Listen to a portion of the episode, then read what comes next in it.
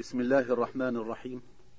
المملكة العربية السعودية وزارة المعارف الأمانة العامة للتعليم الخاص المكتبة المركزية الناطقة. رسائل في الطهارة والصلاة. صفة صلاة النبي صلى الله عليه وسلم. وجوب أداء الصلاة في الجماعة. لسماحة الشيخ عبد العزيز بن عبد الله بن باز. رسائل في الوضوء والغسل والصلاة. كيف يتطهر المريض ويصلي. لفضيلة الشيخ محمد بن صالح العثيمين.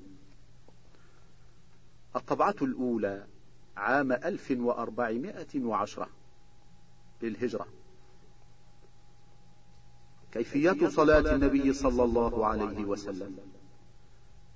من عبد العزيز بن عبد الله بن باز إلى كل من يحب أن يصلي كما كان رسول الله صلى الله عليه وسلم يصلي.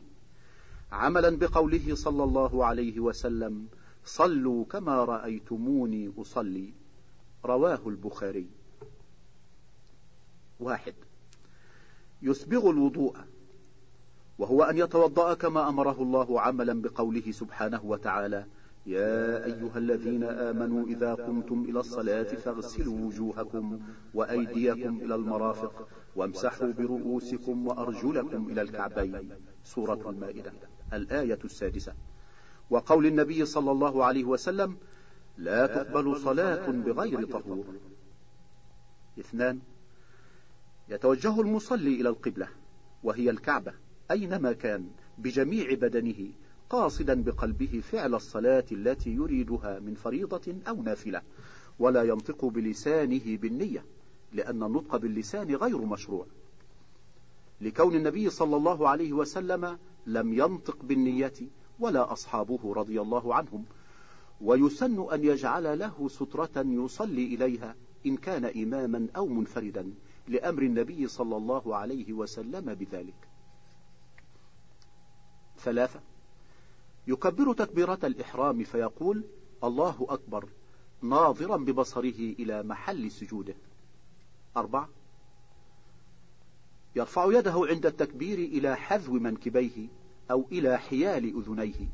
خمسة يضع يديه على صدره اليمنى على كفه اليسرى لورود ذلك من حديث وائل بن حجر وقبيصة بن هلب الطائي عن أبيه رضي الله عنهما.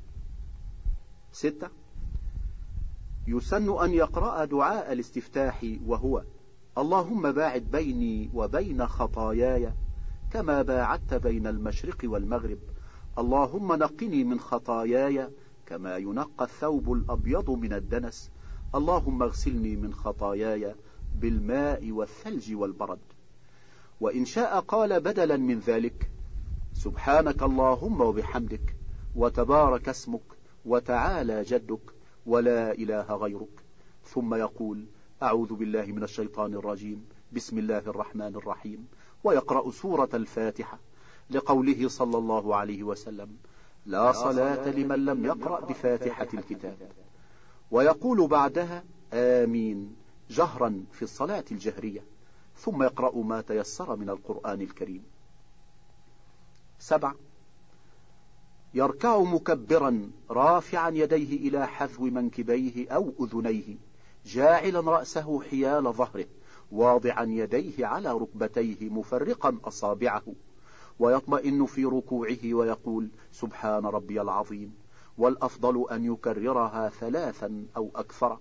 ويستحب أن يقول مع ذلك سبحانك اللهم ربنا وبحمدك اللهم اغفر لي. ثمانية.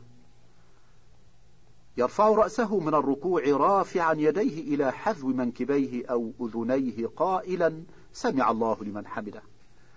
إن كان إماما أو منفردا ويقول حال, حال قيامه ربنا ولك الحمد حمدا كثيرا طيبا مباركا فيه ملء السماوات وملء الأرض وملء ما بينهما وملء ما شئت من شيء بعد. وإن زاد بعد ذلك أهل الثناء والمجد أحق ما قال العبد وكلنا لك اللهم لا مانع لما أعطيت ولا معطي لما منعت ولا ينفع ذا الجد منك الجد فهو حسن لأن ذلك قد ثبت عن النبي صلى الله عليه وسلم في بعض الأحاديث الصحيحة. أما إن كان مأموما فإنه يقول عند الرفع ربنا ولك الحمد إلى آخر ما تقدم. ويستحب أن يضع كل منهم يديه على صدره كما فعل في قيامه قبل الركوع لثبوت ما يدل على ذلك عن النبي صلى الله عليه وسلم من حديث وائل بن حجر وسهل بن سعد رضي الله عنهما. تسعة. يسجد مكبرا واضعا ركبتيه قبل يديه إذا تيسر ذلك فإن شق عليه قدم يديه قبل ركبتيه مستقبلا بأصابع رجليه ويديه القبلة. ضاما أصابع يديه ويكون على أعضائه السبعة الجبهة مع الأنف واليدين والركبتين وبطون أصابع الرجلين ويقول سبحان ربي الأعلى ويكرر ذلك ثلاثا أو أكثر. ويستحب أن يقول مع ذلك سبحانك اللهم ربنا وبحمدك اللهم اغفر لي ويكثر من الدعاء لقول النبي صلى الله عليه وسلم أما الركوع فعظموا فيه الرب وأما السجود فاجتهدوا في الدعاء فقمين أن يستجاب لكم. وقوله صلى الله عليه وسلم أقرب ما يكون العبد من ربه وهو ساجد فأكثروا من الدعاء. رواهما مسلم في صحيحه. ويسأل ربه له ولغيره من المسلمين من خيري الدنيا والآخرة. سواء كانت الصلاة فرضا أو نفلا. ويجافي عضديه عن جنبيه وبطنه عن فخذيه وفخذيه عن ساقيه ويرفع ذراعيه عن الأرض. لقول النبي صلى الله عليه وسلم اعتدلوا في السجود ولا يبسط أحدكم ذراعيه بساط الكلب. عشرة. يرفع رأسه مكبرا. ويفرش قدمه اليسرى ويجلس عليها وينصب رجله اليمنى ويضع يديه على فخذيه وركبتيه ويقول رب اغفر لي رب اغفر لي رب اغفر لي اللهم اغفر لي وارحمني وارزقني وعافني واهدني واجبرني. ويطمئن في هذا الجلوس حتى يرجع كل فقار إلى مكانه كاعتداله بعد الركوع. لأن النبي صلى الله عليه وسلم كان يطيل اعتداله بعد الركوع وبين السجدتين. أحد عشر. يسجد السجدة الثانية مكبرا ويفعل فيها كما فعل في السجدة الأولى. اثنا عشر. يرفع رأسه مكبرا ويجلس جلسة خفيفة مثل جلوسه بين السجدتين وتسمى جلسة الاستراحة. وهي مستحبة في أصح قولي العلماء وإن تركها فلا حرج وليس فيها ذكر ولا دعاء. ثم ينهض قائما إلى الركعة الثانية معتمدا على ركبتيه إن تيسر ذلك. وإن شق عليه اعتمد على الأرض.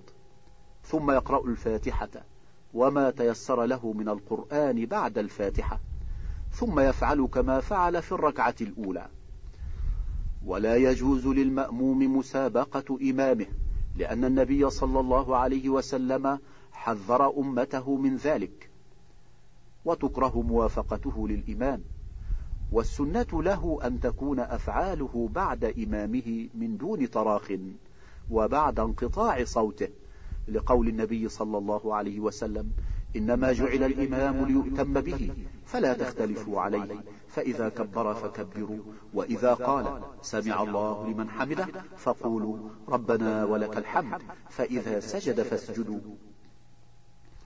والحديث متفق عليه. ثلاثة عشر. إذا كانت الصلاة ثنائية أي ركعتين كصلاة الفجر والجمعة والعيد جلس بعد رفعه من السجدة الثانية ناصبا رجله اليمنى مفترشا رجله اليسرى واضعا يده اليمنى على فخذه اليمنى قابضا أصابعه كلها إلا السبابة فيشير بها إلى التوحيد. وإن قبض الخنصر والبنصر من يده وحلق إبهامها مع الوسطى وأشار بالسبابة فحسن. لثبوت الصفتين عن النبي صلى الله عليه وسلم. والأفضل أن يفعل هذا تارة وهذا تارة ويضع يده اليسرى على فخذه اليسرى وركبته ثم يقرأ التشهد في هذا الجلوس وهو التحيات لله والصلوات والطيبات. السلام عليك أيها النبي ورحمة الله وبركاته. السلام علينا وعلى عباد الله الصالحين. أشهد أن لا إله إلا الله وأشهد أن محمدا عبده ورسوله. ثم يقول اللهم صل على محمد. وعلى آل محمد كما صليت على إبراهيم وآل إبراهيم إنك حميد مجيد.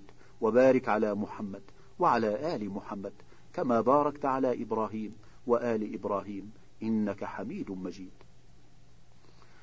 ويستعيذ بالله من أربع فيقول اللهم إني أعوذ بك من عذاب جهنم ومن عذاب القبر ومن فتنة المحيا والممات ومن فتنة المسيح الدجال. ثم يدعو بما شاء من خيري الدنيا والآخرة. وإذا دعا لوالديه أو غيرهما من المسلمين فلا بأس سواء كانت الصلاة فريضة أو نافلة. ثم يسلم على يمينه وشماله قائلا السلام عليكم ورحمة الله. السلام عليكم ورحمة الله. أربعة عشر. إن كانت الصلاة ثلاثية كالمغرب أو رباعية كالظهر والعصر والعشاء. قرأ التشهد المذكور آنفا مع الصلاة على النبي صلى الله عليه وسلم ثم نهض قائما معتمدا على ركبتيه رافعا يديه إلى حذو منكبيه قائلا الله أكبر ويضعهما أي يديه على صدره كما تقدم ويقرأ الفاتحة فقط. وإن قرأ في الثالثة والرابعة من الظهر زيادة على الفاتحة في بعض الأحيان فلا بأس لثبوت ما يدل على ذلك عن النبي صلى الله عليه وسلم من حديث أبي سعيد رضي الله عنه. ثم يتشهد بعد الثالثة من المغرب وبعد الرابعة من الظهر والعصر والعشاء ويصلي على النبي صلى الله عليه وسلم ويتعوذ بالله من عذاب جهنم ومن عذاب القبر وفتنة المسيح الدجال ويكثر من الدعاء كما تقدم ذلك في الصلاة الثنائية. لكن يكون في هذا الجلوس متوركا واضعا رجله اليسرى تحت رجله اليمنى ومقعدته على الأرض ناصبا رجله اليمنى لحديث أبي حميد في ذلك ثم يسلم عن يمينه وشماله قائلا السلام عليكم ورحمة الله السلام عليكم ورحمة الله. ويستغفر الله ثلاثا ويقول اللهم أنت السلام ومنك السلام تباركت يا ذا الجلال والإكرام. لا إله إلا الله وحده لا شريك له له الملك وله الحمد وهو على كل شيء قدير. اللهم لا مانع لما أعطيت ولا معطي لما منعت ولا ينفع ذا الجد منك الجد. لا حول ولا قوة إلا بالله. لا إله إلا الله. ولا نعبد إلا إياه. له النعمة وله الفضل وله الثناء الحسن. لا إله إلا الله. مخلصين له الدين ولو كره الكافرون. ويسبح الله ثلاثا وثلاثين. ويحمده مثل ذلك. ويكبره مثل ذلك. ويقول تمام المئة. لا إله إلا الله وحده لا شريك له. له الملك وله الحمد. وهو على كل شيء قدير. ويقرأ آية الكرسي. وقل هو الله أحد. وقل أعوذ برب الفلق. وقل أعوذ برب الناس بعد كل صلاة. ويستحب تكرار هذه السور الثلاث ثلاث مرات بعد صلاة الفجر وصلاة المغرب لورود الحديث الصحيح بذلك عن النبي صلى الله عليه وسلم. كما يستحب أن يزيد بعد الذكر المتقدم بعد صلاة الفجر وصلاة المغرب قول لا إله إلا الله وحده لا شريك له. له الملك وله الحمد يحيي ويميت وهو على كل شيء قدير عشر مرات لثبوت ذلك عن النبي صلى الله عليه وسلم. وإن كان إماما انصرف إلى الناس وقابلهم بوجهه بعد استغفاره ثلاثا وبعد قوله اللهم أنت السلام ومنك السلام. تباركت يا ذا الجلال والإكرام. ثم يأتي بالأذكار المذكورة. كما دلت على ذلك أحاديث كثيرة عن النبي صلى الله عليه وسلم. منها حديث عائشة رضي الله عنها في صحيح مسلم. وكل هذه الأذكار سنة وليست بفريضة. ويستحب لكل مسلم ومسلمة أن يحافظ على اثنتي عشرة ركعة في حال الحضر وهي أربع قبل الظهر وثنتان بعدها وثنتان بعد المغرب وثنتان بعد صلاة العشاء وثنتان قبل صلاة الصبح لأن النبي صلى الله عليه وسلم كان يحافظ عليها وتسمى الرواتب. وقد ثبت في صحيح مسلم عن أم حبيبة رضي الله عنها عن النبي صلى الله عليه وسلم أنه قال من صلى اثنتي عشرة ركعة في يومه وليلته تطوعا بني له بيت في الجنة. وقال تعالى لقد كان لكم في رسول الله أسوة حسنة. سورة الممتحنة الآية السادسة. وقد فسرها الإمام الترمذي في روايته لهذا الحديث بما ذكرنا. أما في السفر فكان النبي صلى الله عليه وسلم يترك سنة الظهر والمغرب والعشاء ويحافظ على سنة الفجر والوتر. ولنا فيه أسوة حسنة. لقول الله سبحانه لقد كان لكم في رسول الله أسوة حسنة. وقوله عليه الصلاة والسلام صلوا كما رأيتموني أصلي. والله ولي التوفيق. وصلى الله وسلم على نبينا محمد بن عبد الله وعلى آله وأصحابه وأتباعه بإحسان إلى يوم الدين. وجوب أداء الصلاة في الجماعة. من عبد العزيز بن عبد الله بن باز إلى من يراه من المسلمين وفقهم الله لما فيه رضاه ونظمني وإياهم في سلك من خافه واتقاه. آمين. سلام عليكم ورحمة الله وبركاته. أما بعد فقد بلغني أن كثيرا من الناس قد يتهاونون بأداء الصلاة في الجماعة ويحتجون بتسهيل بعض العلماء في ذلك. فوجب علي أن أبين عظم هذا الأمر وخطورته وأنه لا ينبغي للمسلم أن يتهاون بأمر عظم الله شأنه في كتابه العظيم. وعظم شأنه رسوله الكريم عليه من ربه أفضل الصلاة والتسليم. ولقد أكثر الله سبحانه من ذكر الصلاة في كتابه الكريم وعظم شأنها وأمر بالمحافظة عليها وأدائها في الجماعة وأخبر أن التهاون بها والتكاسل عنها من صفات المنافقين. فقال تعالى في كتابه المبين حافظوا على الصلوات والصلاة الوسطى وقوموا لله قانتين. سورة البقرة الآية 238 وكيف تعرف محافظة العبد عليها وتعظيمه لها؟ وقد تخلف عن أدائها مع إخوانه وتهاون بشأنها. وقال تعالى وأقيموا الصلاة وآتوا الزكاة واركعوا مع الراكعين. سورة البقرة الآية الثالثة والأربعون. وهذه الآية الكريمة نص في وجوب الصلاة في الجماعة والمشاركة للمصلين في صلاتهم. ولو كان المقصود إقامتها فقط لم تظهر مناسبة واضحة في ختم الآية بقوله سبحانه واركعوا مع الراكعين لكونه قد أمر بإقامتها في أول الآية. وقال تعالى وإذا كنت فيهم فأقمت لهم الصلاة فلتقم طائفة منهم معك وليأخذوا أسلحتهم. فإذا سجدوا فليكونوا من ورائكم. ولتأت طائفة أخرى لم يصلوا فليصلوا معك وليأخذوا حذرهم وأسلحتهم. سورة النساء الآية مئة واثنتان.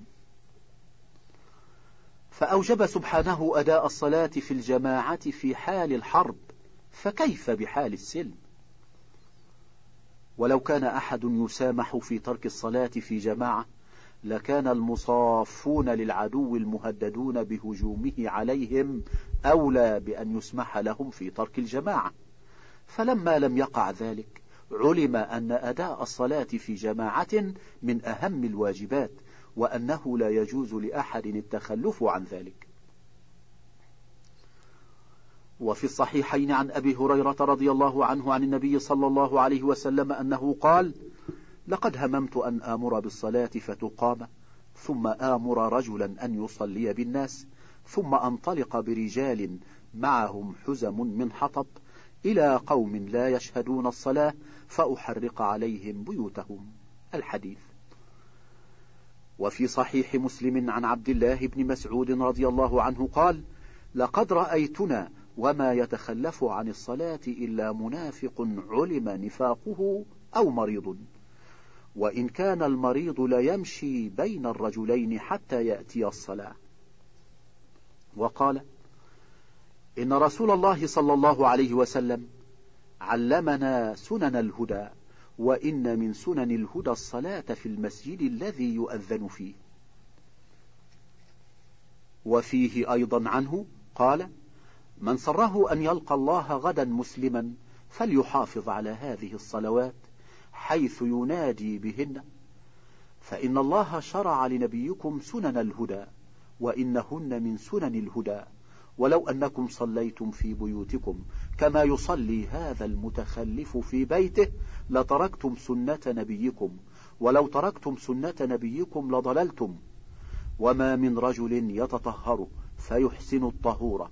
ثم يعمد إلى مسجد من هذه المساجد إلا كتب الله له بكل خطوة يخطوها حسنة ويرفعه بها درجة ويحط عنه بها سيئة. ولقد رأيتنا وما يتخلف عنها إلا منافق معلوم النفاق. ولقد كان الرجل يؤتى به يهادي بين الرجلين حتى يقام في الصف. وفي صحيح مسلم أيضا عن أبي هريرة رضي الله عنه أن رجلا أعمى قال يا رسول الله إنه ليس لي قائد يلازمني إلى المسجد فهل لي رخصة أن أصلي في بيتي؟ فقال له النبي صلى الله عليه وسلم هل تسمع النداء بالصلاة؟ قال نعم. قال فأجب. والأحاديث الدالة على وجوب الصلاة في الجماعة. وعلى وجوب إقامتها في بيوت الله التي أذن الله أن ترفع ويذكر فيها اسمه كثيرة جدا. فالواجب على كل مسلم العناية بهذا الأمر والمبادرة إليه والتواصي به مع أبنائه وأهل بيته وجيرانه وسائر إخوانه المسلمين امتثالا لأمر الله ورسوله وحذرا مما نهى الله عنه ورسوله وابتعادا عن مشابهة أهل النفاق الذين وصفهم الله بصفات ذميمة من أخبثها تكاسلهم عن الصلاة. فقال تعالى إن المنافقين يخادعون الله وهو خادعهم وإذا قاموا إلى الصلاة قاموا كسالى يراءون الناس ولا يذكرون الله إلا قليلا. مذبذبين بين ذلك. لا إلى هؤلاء ولا إلى هؤلاء. ومن يضلل الله فلن تجد له سبيلا.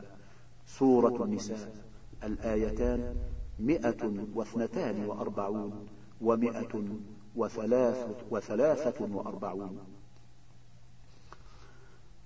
ولأن التخلف عن أدائها في الجماعة من أعظم أسباب تركها بالكلية. ومعلوم أن ترك الصلاة كفر وضلال وخروج عن دائرة الإسلام لقول النبي صلى الله عليه وسلم بين الرجل وبين الكفر والشرك ترك الصلاة. أخرجه مسلم في صحيحه عن جابر رضي الله عنه. وقال صلى الله عليه وسلم العهد الذي بيننا وبينهم الصلاة فمن تركها فقد كفر.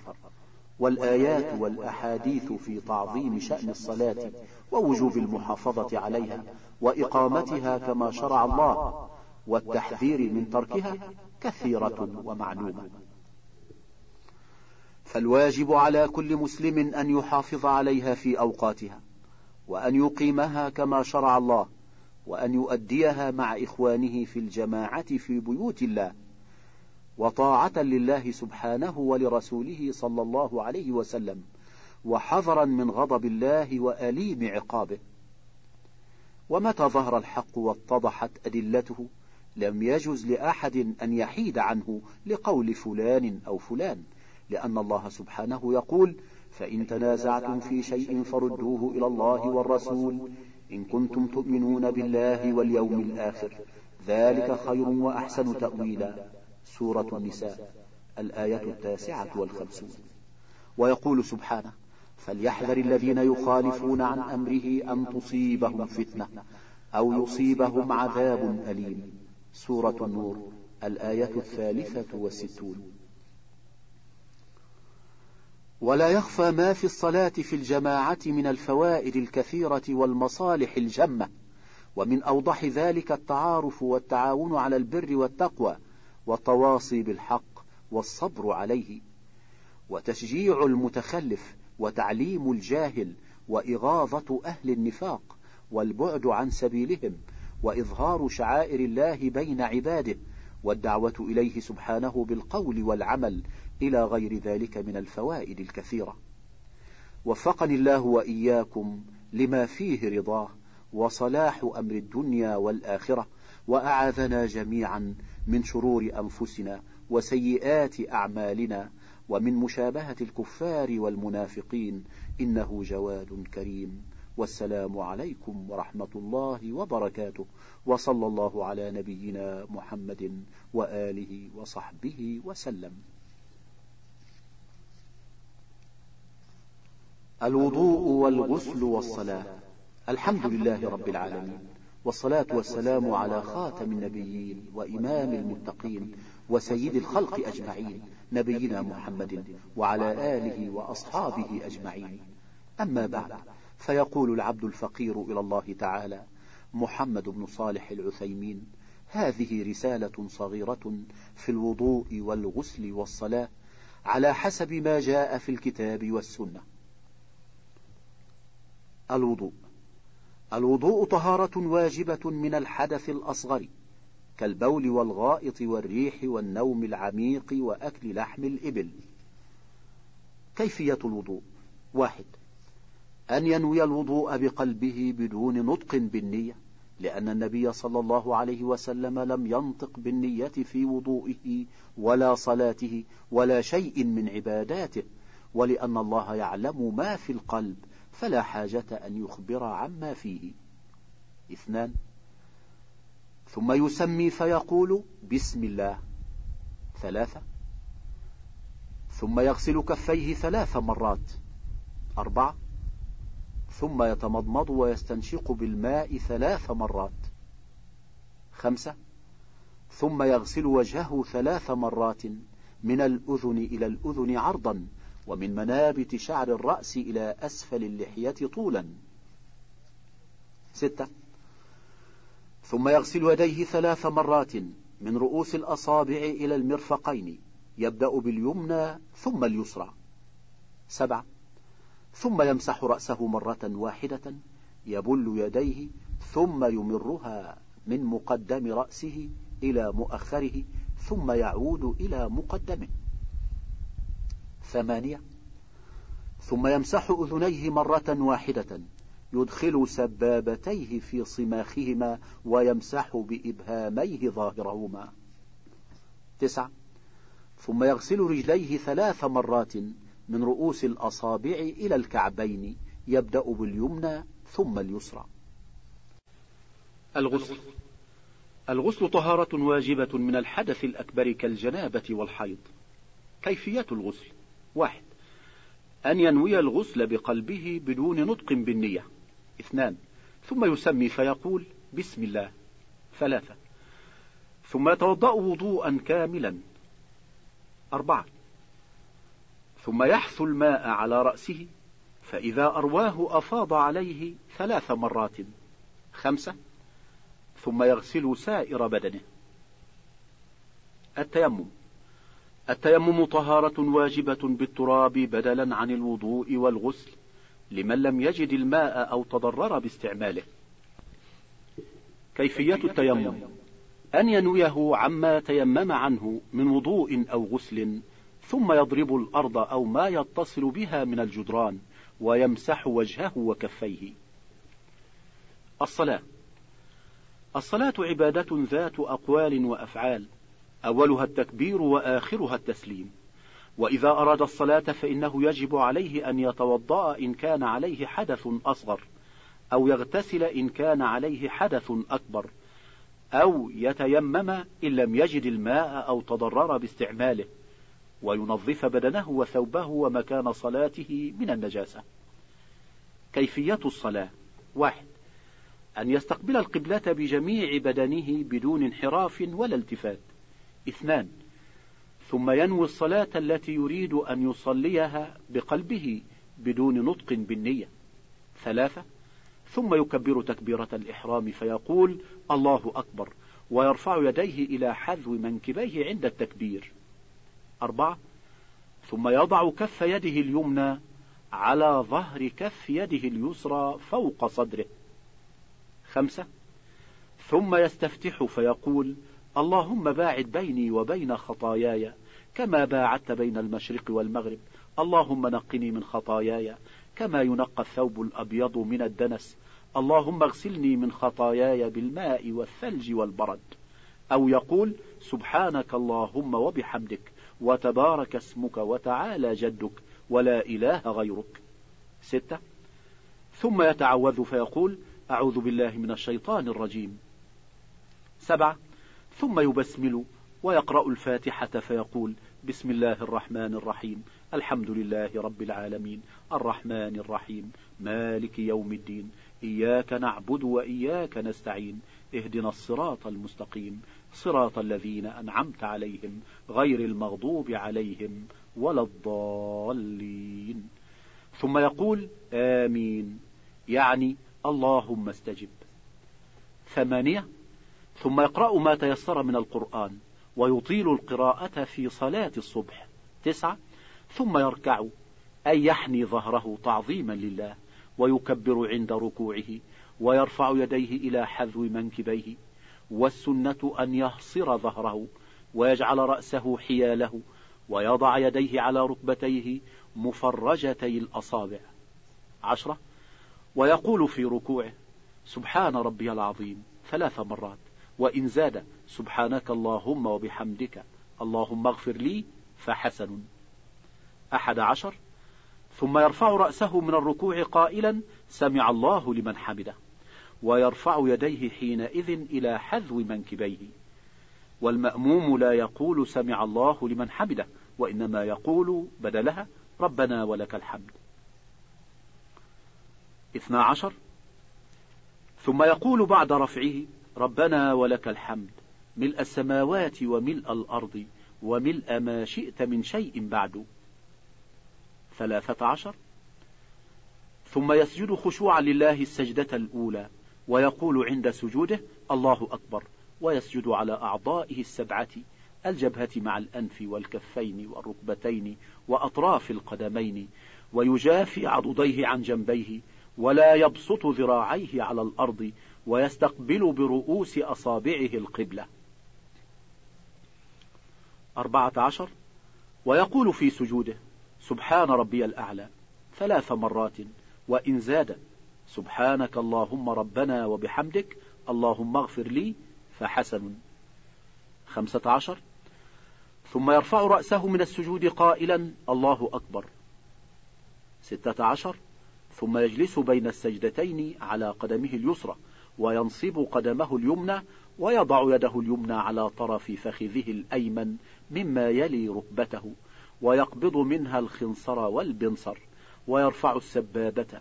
ويحركها عند دعائه ويجعل طرف الإبهام مقرونا بطرف الوسطى كالحلقة.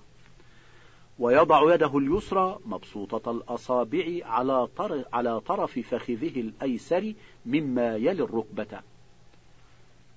سبعة عشر.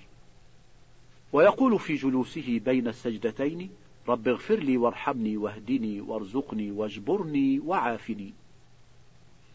ثمانية عشر. ثم يسجد خشوعا منه السجدة الثانية كالأولى فيما يقال ويفعل ويكبر عند سجوده. تسعة عشر.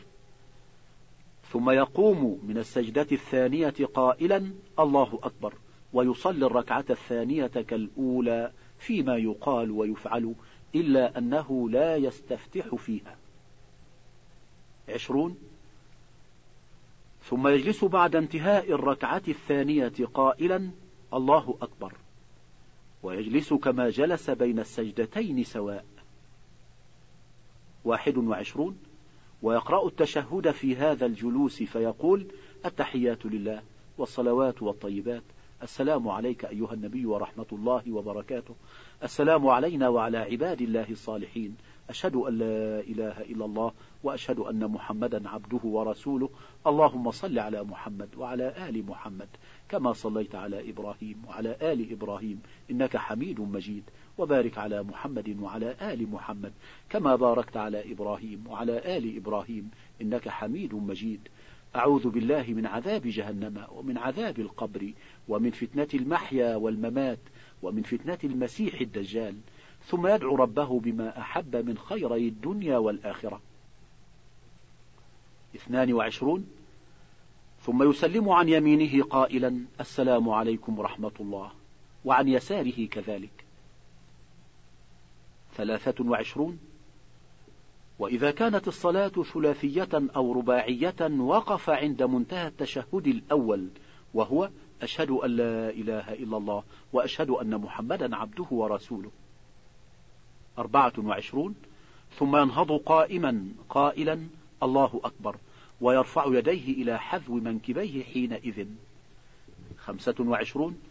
ثم يصلي ما بقي من صلاته على صفة الركعة الثانية إلا أنه يقتصر على قراءة الفاتحة. ستة وعشرون. ثم يجلس متوركا فينصب قدمه اليمنى ويخرج قدمه اليسرى من تحت ساق اليمنى ويمكن مقعدته من الأرض ويضع يديه على فخذيه على صفة وضعهما في التشهد الأول. سبعة وعشرون. ويقرأ في هذا الجلوس التشهد كله. ثمانية وعشرون. ثم يسلم عن يمينه قائلا السلام عليكم ورحمة الله وعن يساره كذلك. أشياء مكروهة في الصلاة. واحد. يكره في الصلاة الالتفات بالرأس أو بالبصر فأما رفع البصر إلى السماء فحرام. اثنان. ويكره في الصلاة العبث والحركة لغير حاجة. ثلاثة. ويكره في الصلاة استصحاب ما يشغل كالشيء الثقيل والملون بما يلفت النظر. أربعة. ويكره في الصلاة التخصر وهو وضع اليد على الخاصرة. أشياء مبطلة للصلاة. واحد. تبطل الصلاة بالكلام عمدا وإن كان يسيرا. اثنان. وتبطل الصلاة بالانحراف عن القبلة بجميع البدن. ثلاثة. وتبطل الصلاة بخروج الريح من دبره وبجميع ما يوجب الوضوء والغسل. أربعة. وتبطل الصلاة بالحركات الكثيرة المتوالية لغير ضرورة. خمسة وتبطل الصلاة بالضحك وإن كان يسيرا. ستة وتبطل الصلاة إذا زاد فيها ركوعا أو سجودا أو قياما أو قعودا متعمدا ذلك. سبعة وتبطل الصلاة بمسابقة الإمام عمدا. أشياء من أحكام سجود السهو في الصلاة. واحد. إذا سهى في صلاته فزاد فيها ركوعا أو سجودا أو قياما أو قعودا فإنه يسلم منها ثم يسجد للسهو سجدتين ويسلم أيضا. مثاله. إذا كان يصلي الظهر فقام إلى ركعة خامسة ثم ذكر أو ذكر فإنه يرجع بدون تكبير ويجلس فيقرأ التشهد الأخير ويسلم ثم يسجد سجدتين ويسلم. وكذلك لو لم يعلم بالزيادة إلا بعد فراغه منها فإنه يسجد للسهو سجدتين ويسلم. اثنان إذا سلم قبل تمام صلاته ناسيا ثم ذكر أو ذكر في وقت قريب بحيث يبني آخر الصلاة على أولها فإنه يتم ما بقي من صلاته ثم يسلم ثم يسجد سجدتين ويسلم. مثاله إذا كان يصلي الظهر فسهى فسلم في الركعة الثالثة ثم ذكر أو ذكر فإنه يأتي بالرابعة ويسلم ثم يسجد سجدتين ويسلم. فإن لم يذكر إلا بعد زمن طويل فإنه يعيد الصلاة من أولها. ثلاثة.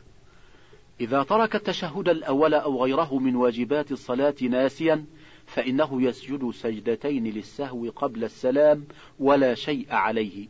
فإن ذكره قبل مفارقة محله أتى به ولا شيء عليه. وإن ذكره بعد مفارقة محله وقبل وصوله إلى ما يليه رجع إليه فأتى به. مثاله. إذا نسي التشهد الأول فقام إلى الثالثة حتى استتم قائما فإنه لا يرجع ويسجد للسهو سجدتين قبل السلام. وإن جلس للتشهد ونسي أن يتشهد ثم ذكر قبل أن يقوم فإنه يتشهد ويكمل الصلاة ولا شيء عليه. وكذلك لو قام ولم يجلس وذكر قبل أن يستتم قائما فإنه يرجع ويتشهد ويكمل الصلاة. لكن ذكر أهل العلم أنه يسجد للسهو سجدتين من أجل النهوض الذي زاده في صلاته. والله أعلم. أربعة. إذا شك في صلاته هل صلى ركعتين أو ثلاثا ولم يترجح عنده أحد الطرفين فإنه يبني على اليقين وهو الأقل ثم يسجد سجدتين للسهو قبل السلام ويسلم. مثاله إذا كان يصلي الظهر فشك في الركعة الثانية هل هي الثانية أو الثالثة؟ ولم يترجح عنده أحدهما. فليجعلها الثانية وليكمل عليها ثم يسجد قبل السلام سجدتين ويسلم. خمسة إذا شك في صلاته هل صلى ركعتين أو ثلاثا؟ وترجح عنده أحد الطرفين فإنه يبني على ما ترجح عنده سواء كان الأقل أم الأكثر ويسجد للسهو سجدتين بعد السلام ويسلم. مثاله إذا كان يصلي الظهر فشك في الركعة الثانية هل هي الثانية أو الثالثة؟ وترجح عنده أنها الثالثة فليجعلها الثالثة وليكمل عليها ويسلم. ثم يسجد للسهو سجدتين ويسلم. وإذا كان الشك بعد فراغه من الصلاة فإنه لا يلتفت إليه إلا أن يتيقن. وإذا كان كثير الشكوك فإنه لا يلتفت إلى الشك لأنه من الوسواس. والله أعلم. وصلى الله وسلم على نبينا محمد وآله وصحبه. كيف يتطهر المريض؟ واحد يجب على المريض أن يتطهر بالماء فيتوضأ من الحدث الأصغر ويغتسل من الحدث الأكبر. اثنان فإن كان لا يستطيع الطهارة بالماء لعجزه أو خوف زيادة المرض أو تأخر برئه فإنه يتيمم. ثلاثة كيفية التيمم؟ أن يضرب الأرض الطاهرة بيديه ضربة واحدة. يمسح بهما جميع وجهه ثم يمسح كفيه بعضهما ببعض. أربعة. فإن لم يستطع أن يتطهر بنفسه فإنه يوضئه أو ييممه شخص آخر. خمسة. إذا كان في بعض أعضاء الطهارة جرح فإنه يغسله بالماء. فإن كان الغسل بالماء يؤثر عليه مسحه مسحا فيبل يده بالماء ويمرها عليه. فإن كان المسح يؤثر عليه أيضا فإنه يتيمم عنه. ستة. إذا كان في بعض أعضائه كسر مشدود عليه خرقة أو جبس فإنه يمسح عليه بالماء بدلا من غسله ولا يحتاج للتيمم لأن المسح بدل عن الغسل. سبعة يجوز أن يتيمم على الجدار أو على شيء آخر طاهر له غبار، فإن كان الجدار ممسوحا بشيء من غير جنس الأرض كالبوية فلا يتيمم عليه إلا أن يكون له غبار. ثمانية إذا لم يمكن التيمم على الأرض أو الجدار أو شيء آخر له غبار فلا بأس أن يوضع تراب في إناء أو منديل يتيمم منه. تسعة. إذا تيمم لصلاة وبقي على طهارته إلى وقت الصلاة الأخرى فإنه يصليها بالتيمم الأول ولا يعيد التيمم للصلاة الثانية لأنه لم يزل على طهارته ولم يجد ما يبطلها. عشرة. يجب على المريض أن يطهر بدنه من النجاسات فإن كان لا يستطيع صلى على حاله وصلاته صحيحة ولا إعادة عليه. أحد عشر. يجب على المريض أن يصلي بثياب طاهرة فإن تنجست ثيابه وجب غسلها أو إبدالها بثياب طاهرة فإن لم يمكن صلى على حاله وصلاته صحيحة ولا إعادة عليه. اثنا عشر يجب على المريض أن يصلي على شيء طاهر فإن تنجس مكانه وجب غسله أو إبداله بشيء طاهر أو يفرش عليه شيئا طاهرا فإن لم يمكن صلى على حاله وصلاته صحيحة ولا إعادة عليه.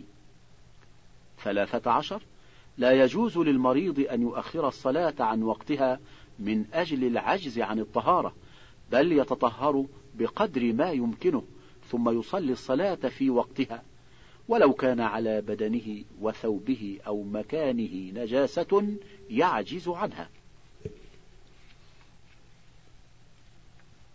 كيف يصلي المريض؟ واحد يجب على المريض أن يصلي الفريضة قائما ولو منحنيا أو معتمدا على جدار أو عصا يحتاج إلى الاعتماد عليه. اثنان فإن كان لا يستطيع القيام صلى جالسا والأفضل أن يكون متربعا في موضع القيام والركوع. ثلاثة فإن كان لا يستطيع الصلاة جالسا صلى على جنبه متوجها إلى القبلة. والجنب الأيمن أفضل فإن لم يتمكن من التوجه إلى القبلة صلى حيث كان اتجاهه وصلاته صحيحة ولا إعادة عليه. أربعة. فإن كان لا يستطيع الصلاة على جنبه صلى مستلقيا رجلاه إلى القبلة والأفضل أن يرفع رأسه قليلا ليتجه إلى القبلة. فإن لم يستطع أن تكون رجلاه إلى القبلة صلى حيث كانت ولا إعادة عليه. خمسة. يجب على المريض أن يركع ويسجد في صلاته فإن لم يستطع أومأ بهما برأسه ويجعل السجود أخفض من الركوع. فإن استطاع الركوع دون السجود ركع حال الركوع وأومأ بالسجود. وإن استطاع السجود دون الركوع سجد حال السجود وأومأ بالركوع. ستة. فإن كان لا يستطيع الإيماء برأسه في الركوع والسجود أشار بعينيه. فيغمض قليلا للركوع ويغمض تغميضا أكثر للسجود. وأما الإشارة بالإصبع كما يفعله بعض المرضى فليس بصحيح ولا أعلم له أصلا من الكتاب والسنة ولا من أقوال أهل العلم. سبعة فإن كان لا يستطيع الإيماء بالرأس ولا الإشارة بالعين صلى بقلبه. فيكبر ويقرأ وينوي الركوع والسجود والقيام والقعود بقلبه ولكل امرئ ما نوى. ثمانية يجب على المريض أن يصلي كل صلاة في وقتها ويفعل كل ما يقدر عليه مما يجب فيها فإن شق عليه فعل كل صلاة في وقتها فله الجمع بين الظهر والعصر وبين المغرب والعشاء. إما جمع تقديم بحيث يقدم العصر إلى الظهر والعشاء إلى المغرب وإما جمع تأخير بحيث يؤخر الظهر إلى العصر والمغرب إلى العشاء حسبما يكون أيسر له. أما الفجر فلا تجمع لما قبلها ولا لما بعدها. تسعة.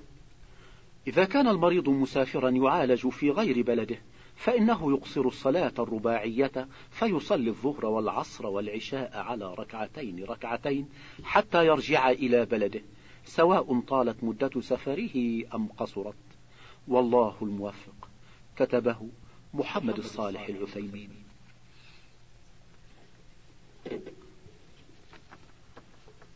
تنبيهات على بعض الأخطاء التي يفعلها بعض المصلين في صلاتهم للشيخ عبد الله بن عبد الرحمن الجبريلي الحمد لله وحده والصلاة والسلام على من لا نبي بعده محمد وآله وصحبه وبعد. فنظرا لأهمية الصلاة وعظم أمرها وحرصا على إكمالها بما تبرأ به الذمة ويحصل به الأجر المترتب على أداء هذه العبادة.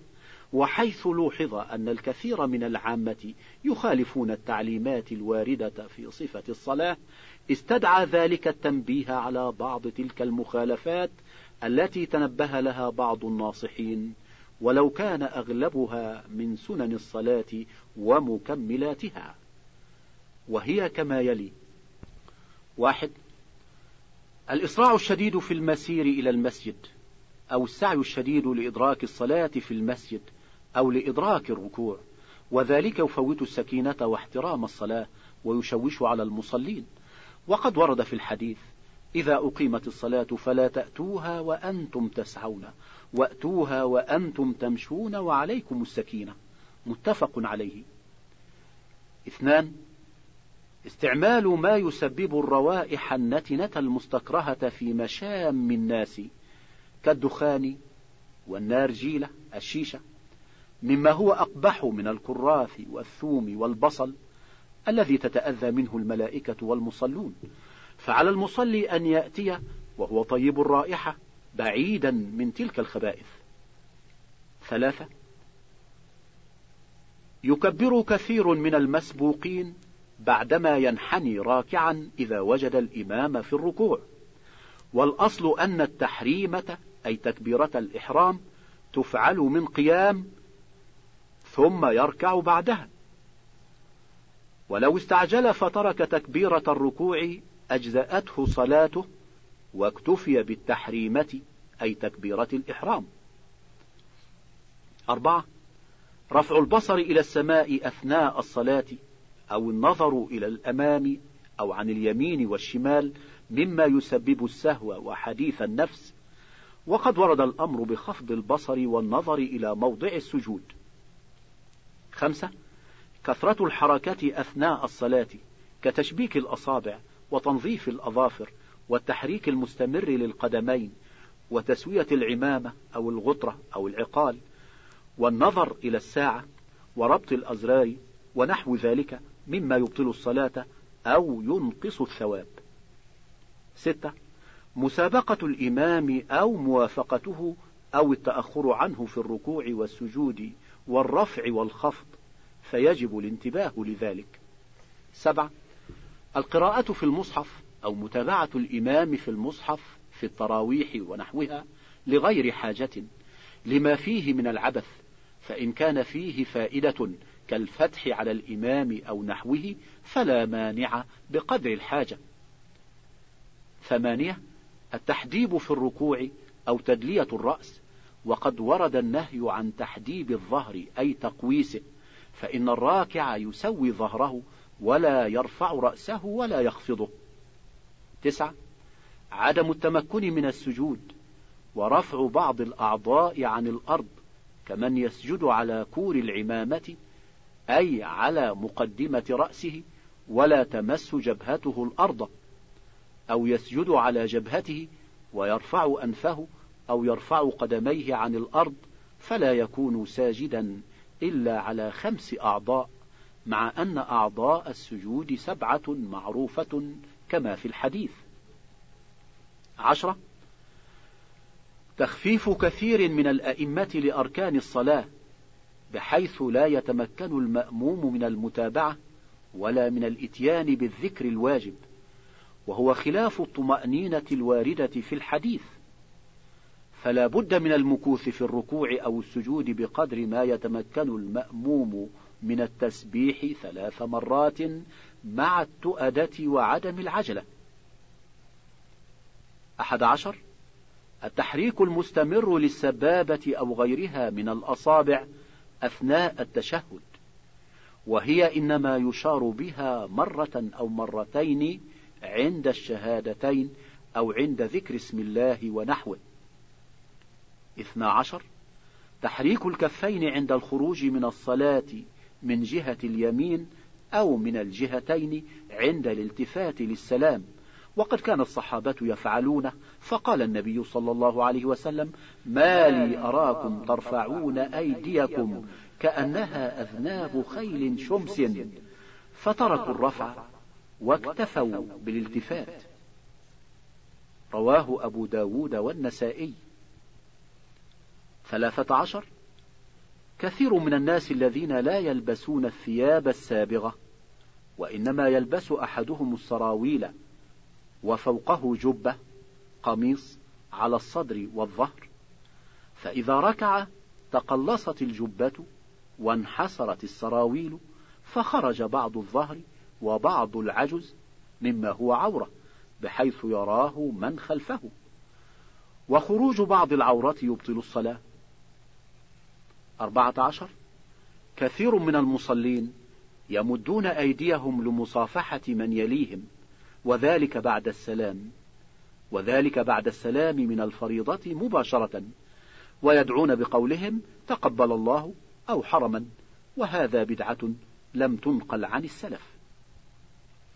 خمسة عشر يعتاد بعض الناس رفع الأيدي للدعاء بعد السلام من المكتوبة مباشرة وترك الأذكار المشروعة وهذا خلاف السنة وإنما يشرع الدعاء بعد الفراغ من الأذكار فهو من مظان إجابة الدعاء.